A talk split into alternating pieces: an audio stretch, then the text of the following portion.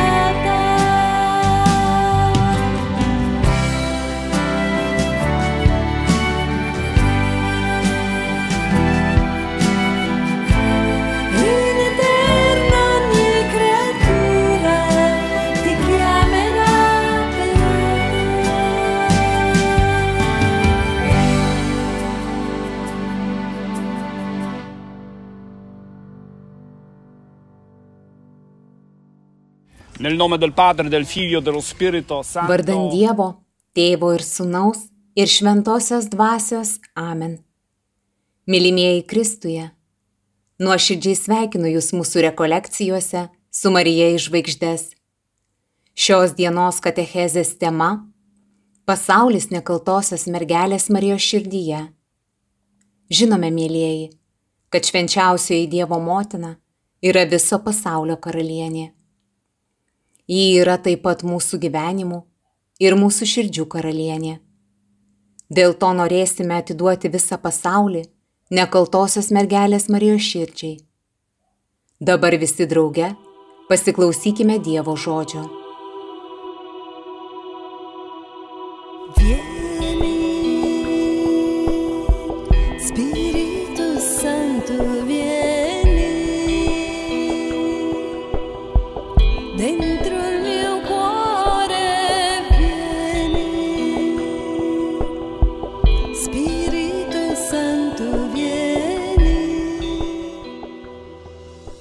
Iš Evangelijos pagal šventąjį matą 19 skyriaus. Atpildas Jėzaus sekėjams.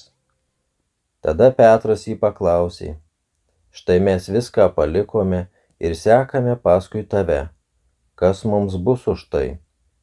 O Jėzus jiems atsakė, iš tiesų sakau jums, pasaulio atgimime, kai žmogaus sūnus sėdės savo šlovės sostę, jūs mano sekėjai, irgi sėdėsite dvylikoje sostų, teisdami dvylika Izraelio giminių. Ir kiekvienas, kas paliko namus, brolius, seseris, tėvą, motiną, vaikus, dirvas dėl manęs, gaus šimteriopai ir paveldės amžiną į gyvenimą. Tačiau daugel pirmų bus paskutiniai ir daugel paskutinių pirmi.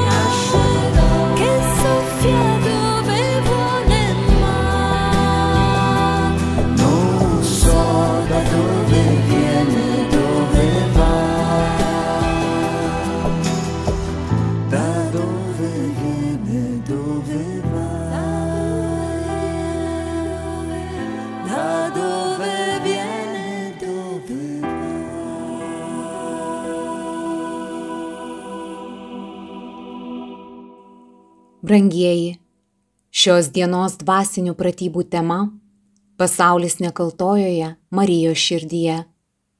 Šventoji trejybė pats Dievas nori apsaugoti visą pasaulį, kartu su visais žmonėmis, įkeldamas jį į Madono širdį. Kodėl? Šios dienos Evangelija atsako į tą kodėl. Jėzus sako, iš tiesų sakau jums, kurie sekėte mane, žiūrėkite, tai tie, kurie esate Dievo motinos širdyje, kurie su Marija sekate Jėzų. Pasaulio atgimime, kai žmogaus sūnus sėdės savo šlovės sostę, šie žodžiai pasaulio atgimime, jūs mano sekėjai, irgi sėdėsite dvylikoje sostų, teisdami dvylika Izraelio giminių. Jėzus šios dienos Evangelijoje kalba apie vadinamąjį pasaulio atgimimą, o Marija yra motina, kurios motinystė atgimdo pasaulį. Kas yra pasaulis?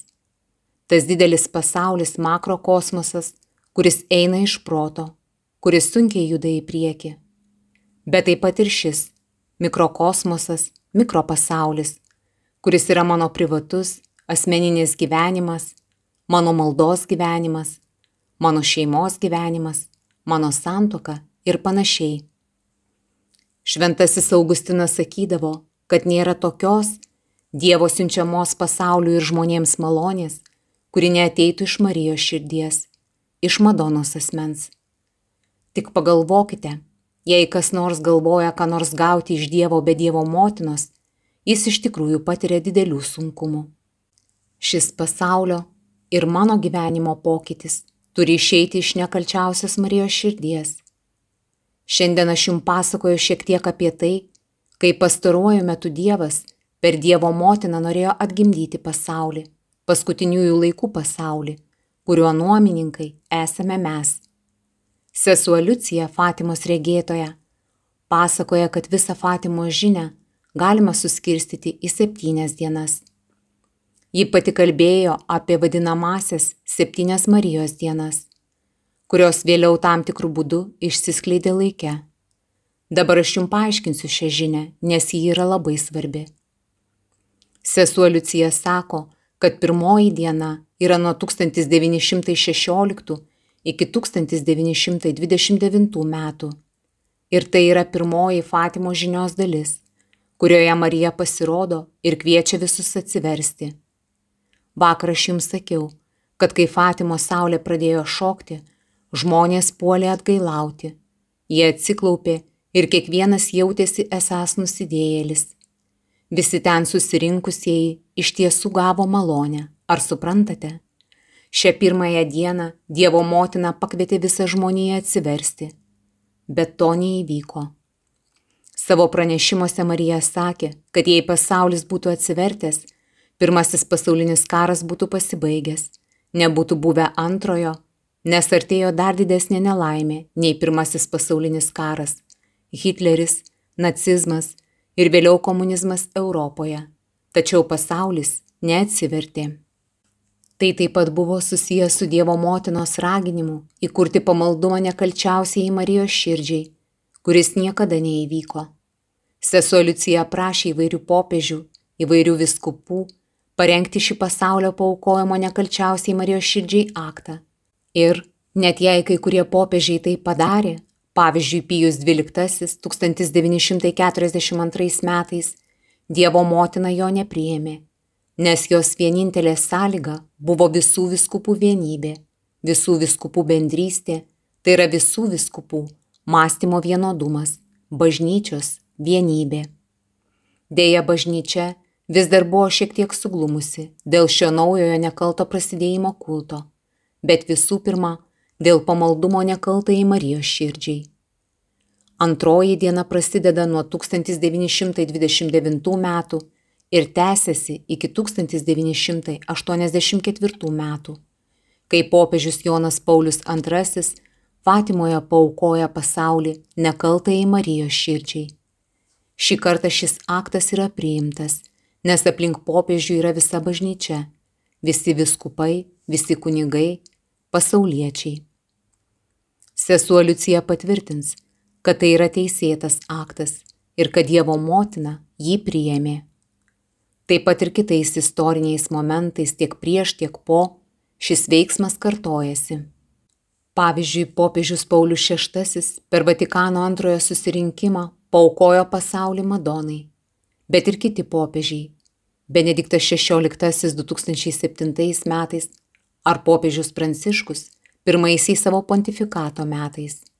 Pasaulis tiek daug rizikavo prieš įvykdant šį veiksmą.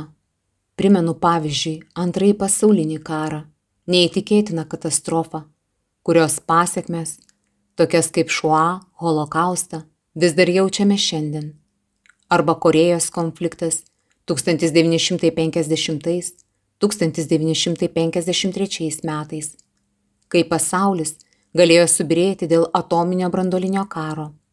Toks pats Kubos konfliktas 1962 m. spalį tarp Amerikos ir Sovietų sąjungos Hruščiovo. Jau nekalbant apie šaltąjį karą, konfliktą buvusioje Jugoslavijoje ir kitą. Pasaulis neatsiliepė, mėlyjeji, neatsiliepė ir tai yra antra diena. Tada ateina ši trečioji diena, kuri pasak sesers Liucijos prasideda 1984 metais kai griuvo Berlyno siena, kai griuvo komunizmas ir, anot sesers Liucijos, šie 1984 metai prasideda trečią dieną, kuri yra žmonijos atsako diena. Ir dėja, žmonija neatsiliepia, vėlgi neatsiliepia Dievui. Kas atsitiko tuo tarpu, kai pasikeitė žmogus ir kaip jis pasikeitė? Beveik viskas žlugo šeimos atžvilgių. Skirybos, genderizmo filosofija su trimis ar su keturiais tėvais, išplėstinės šeimos, eutanazija, abortai ir taip toliau. Šis pasaulis trečią dieną neatsivertė, sako sesuo Liucija, ir atėjo ketvirtoji diena, į kurią įžengėme dabar - išbandymų ir ženklų iš dangaus diena. Ketvirtojoje dienoje mes gyvename šiuo koronavirusu. Bet tai dar ne pabaiga. Ši ketvirta diena yra šiandieninio žmogaus apsivalymo diena, kad jis grįžtų būti savimi kaip Dievo atvaizdas, o ne šitono atvaizdas. Taip pat jį reiškia ir pasaulio apvalymą. Pasakykite man, ar šiuo metu nieko panašaus nepatiriame.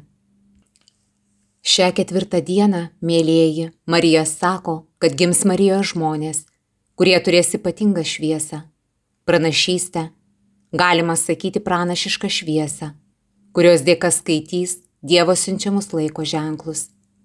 Matau šios žmonės, daug žmonių, kurie gerai skaito tai, kas vyksta.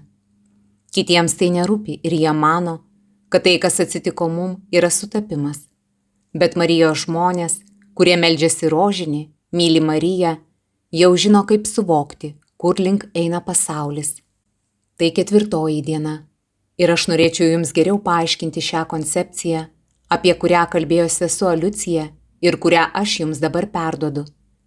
Įsivaizduokite, kad teologai, tie, kurie domisi Fatimo žinia, sako, kad Fatima ir jo žinia yra glaudžiai susijusios su kitu dideliu kultu - švenčiausios Jėzaus širdies garbinimu.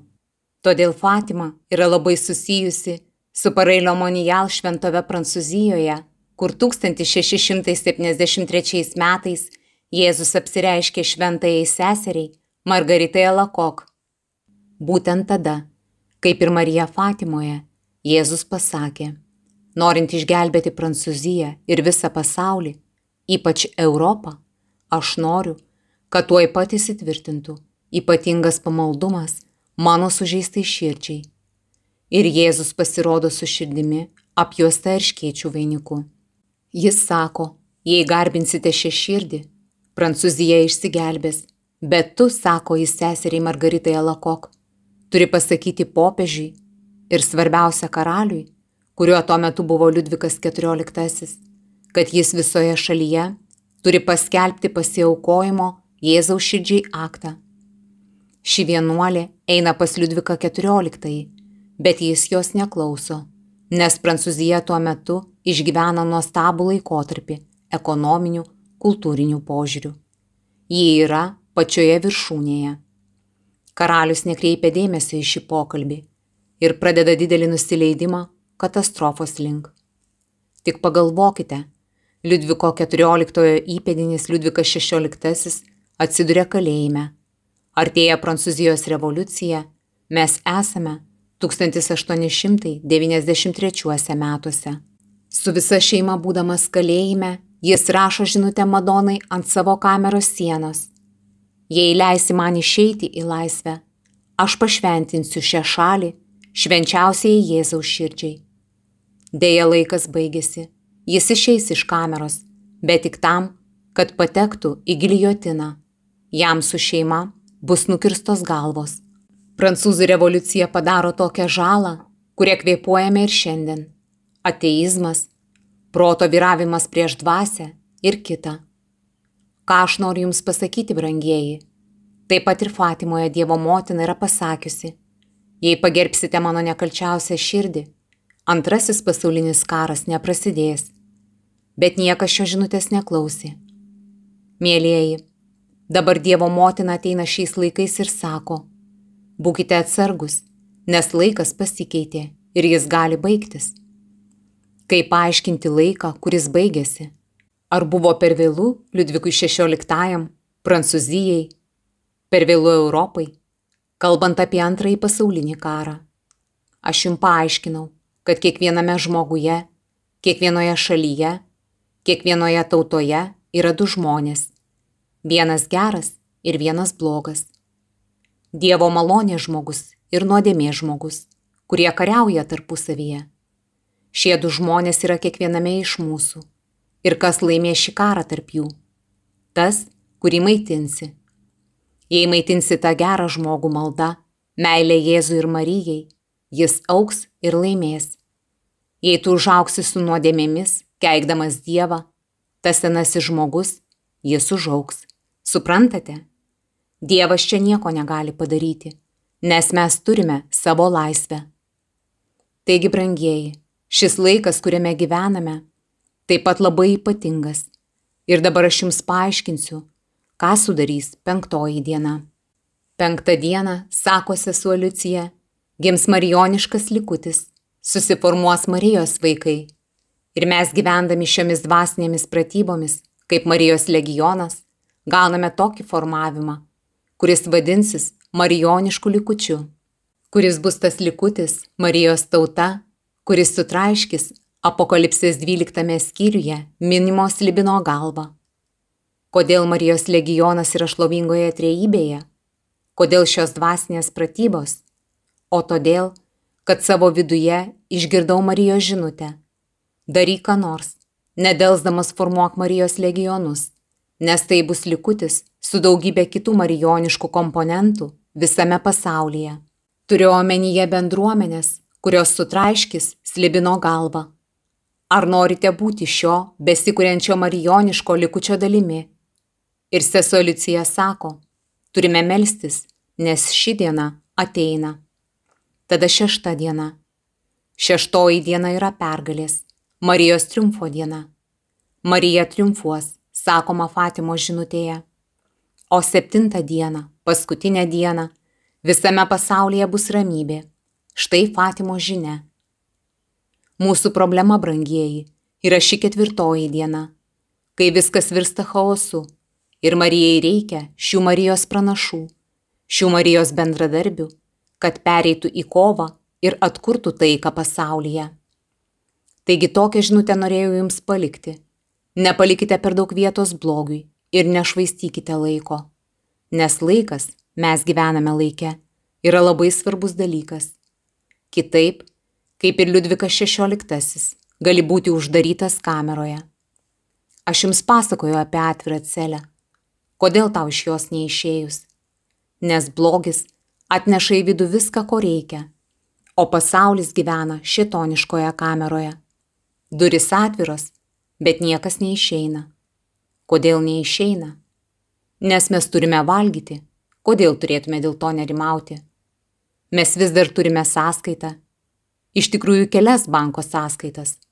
Kodėlgi turėtume išeiti iš tokio gyvenimo būdo? Tai mano gyvenimo stilius. Bet tam tikrų metų, kaip ir Prancūzijoje bei visame pasaulyje, kamera užsidaro ir laukia manęs laukia tik giljotina. Tai yra pasaulio istorija. Aš nesakau jums savo nuomonės, aš tik remiuosi pasaulio istoriją. Įvairių karų, įvairių revoliucijų, žmogaus nesugebėjimo valdyti savo laisvę pavyzdžių. Aš esu laisvas mylėti arba galiu daryti blogį. Tai dvi Dievo laisvės - daryti gerą ir daryti blogą. Norėčiau paprašyti Dievo motinos, kad jie atvertų savo širdį ir kad mes galėtume įeiti į jo širdį ir kad šios duris užsidarytų ir mes būtume tobulai apsaugoti. Amen. Katechezę baigiame tėvo Don Andrėja palaiminimu. Il Signore sia con voi. Vi benedica Dio Onnipotente, Padre e Figlio e Spirito Santo. Andiamo in pace.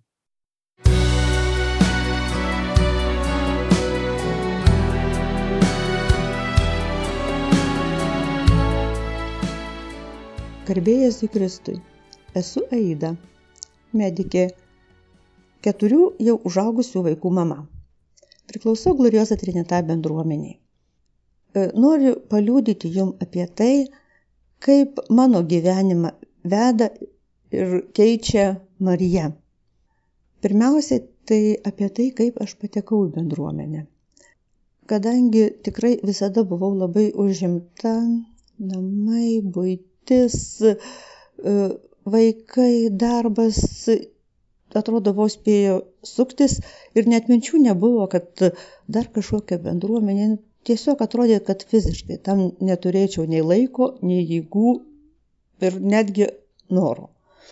Na, bet vieną kartą tiesiog pastebėjau skelbimą apie tai, kad atvyksta kažkokie italai, bus renginys, susitikimas, kaip tik man laisva diena ir toks, nežinau, koks vidinis balsas, vidinis postumis buvo, kad aš turiu ten nueiti, pažiūrėti, kas ten bus. Ir tas susitikimas su bendruomenės nariais iš Italijos, su įkūrėju, mane tikrai labai, labai palėtė į širdį ir atsirado vidinis noras, kad aš turiu ateiti, aš turiu eiti su bendruomenė, aš turiu čia eiti, aš turiu čia būti. E, Nors, aišku, vidinio prieštaravimo buvo labai daug. Kartais galvodavau, kad nu, nei aš bendruomeniška, aš nesu charizmatiška, nes, nesugebėsiu kaip bendruomenės narė kažkokiu savo pa- pareigų atlikti. Bet vis tiek va, tas vidinis toks noras buvo labai didžiulis. Ir tikrai jauti, kaip eidamas į bendruomenę keitiesi ir tas keitimasis vyksta kiekvieną dieną. Ir noriu dar pasidalinti tokiu ryškiausiu pasikeitimu, kuris tiesiog labai ryškiai pakeitė mano gyvenimą. Prieš kelis metus aš turėjau darbę didžiulę įtampą.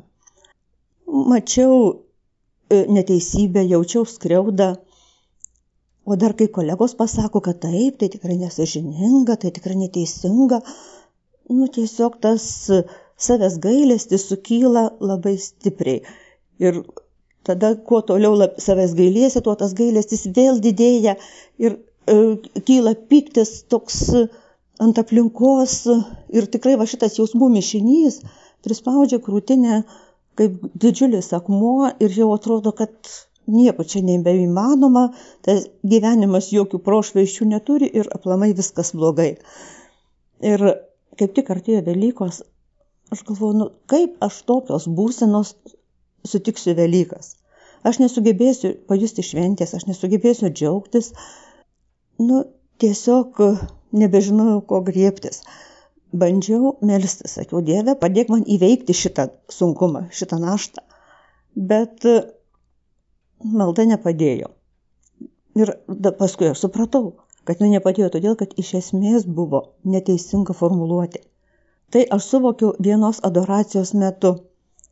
Kažkaip prisiminiau jau prieš kurį laiką girdėtą ir netgi užmirštą bendruomenės įkūrėjo mokymą apie Nazaretą. Jis sakė, kad Nazaretas Marijos ir Jėzaus laikais buvo nykus, tamsus, niekam nežinomas kaimelis. Ir savo apsigyvenimu Marija ir Jėzus jį nušvietė. Ir taip jų šviesa veikė, kad jis tapo klestinčių šviesių miestu, kuris ir dabar, po dviejų tūkstančių metų, yra klestintis didelis miestas, augantis ir stiprėjantis. O aplinkui buvę dideli miestai sunyko ir niekas jų nei pavadinimų neatsimena. Ir kad kiekvieno žmogaus gyvenime yra Nazaretas. Yra ta tokia tamsi, nuobodi, skaudi, sunki vieta, kuri yra reikalinga tam, kad galėtų į gyvenimą ateiti Jėzus ir Marija ir galėtų žmogaus gyvenimą nušviesti. Ir tada aš suvokiau, kad šita įtampa darbe tai ir yra mano Nazaretas. Ir kad aš turiu tą įtampą neįveikti stengtis, o tiesiog priimti ir pamilti. Ir kai atsirado šitas suvokimas, tą pačią minutę akmuotas dvasinis nusirito nuo mano širdies. Tikrai aš pajutau, kad ateina Velykos, kad gyvenimas gražus, tikrai pajutau didžiulį palengvėjimą ir džiaugsmą. Bet pasikeitimas įvyko ne tik dvasinis. Nuo tos dienos įtampa darbe visiškai dingo. Tiesiog jos nebeliko. Nors aš ne, nedariau nieko kitaip, nepakeičiau, atrodo, savo nei elgesio, nei požiūrį, bet staiga viskas pasidarė kitaip. Taigi, šlovė viešpačiui už šitokį e, ryškų veikimą mūsų gyvenimą. Šlovė už tai, kad mus keičia, kad mus moko, kad, kad mums parodo kelią, nes pats vienas tokio dalyko negalėtum padaryti, ne, nesugebėtum pats vienas rasti to kelio. E, dėl to yra tikrai didžiulė likimo dovana, kad aš turiu bendruomenę, kad turiu kunigų mokymus, kad turiu visą šventojo rašto vedimą per kiekvieną susitikimą. Tai yra tikrai didžiulis džiaugsmas, didžiulė Dievo dovana ir šlovė viešpačių už visą tai.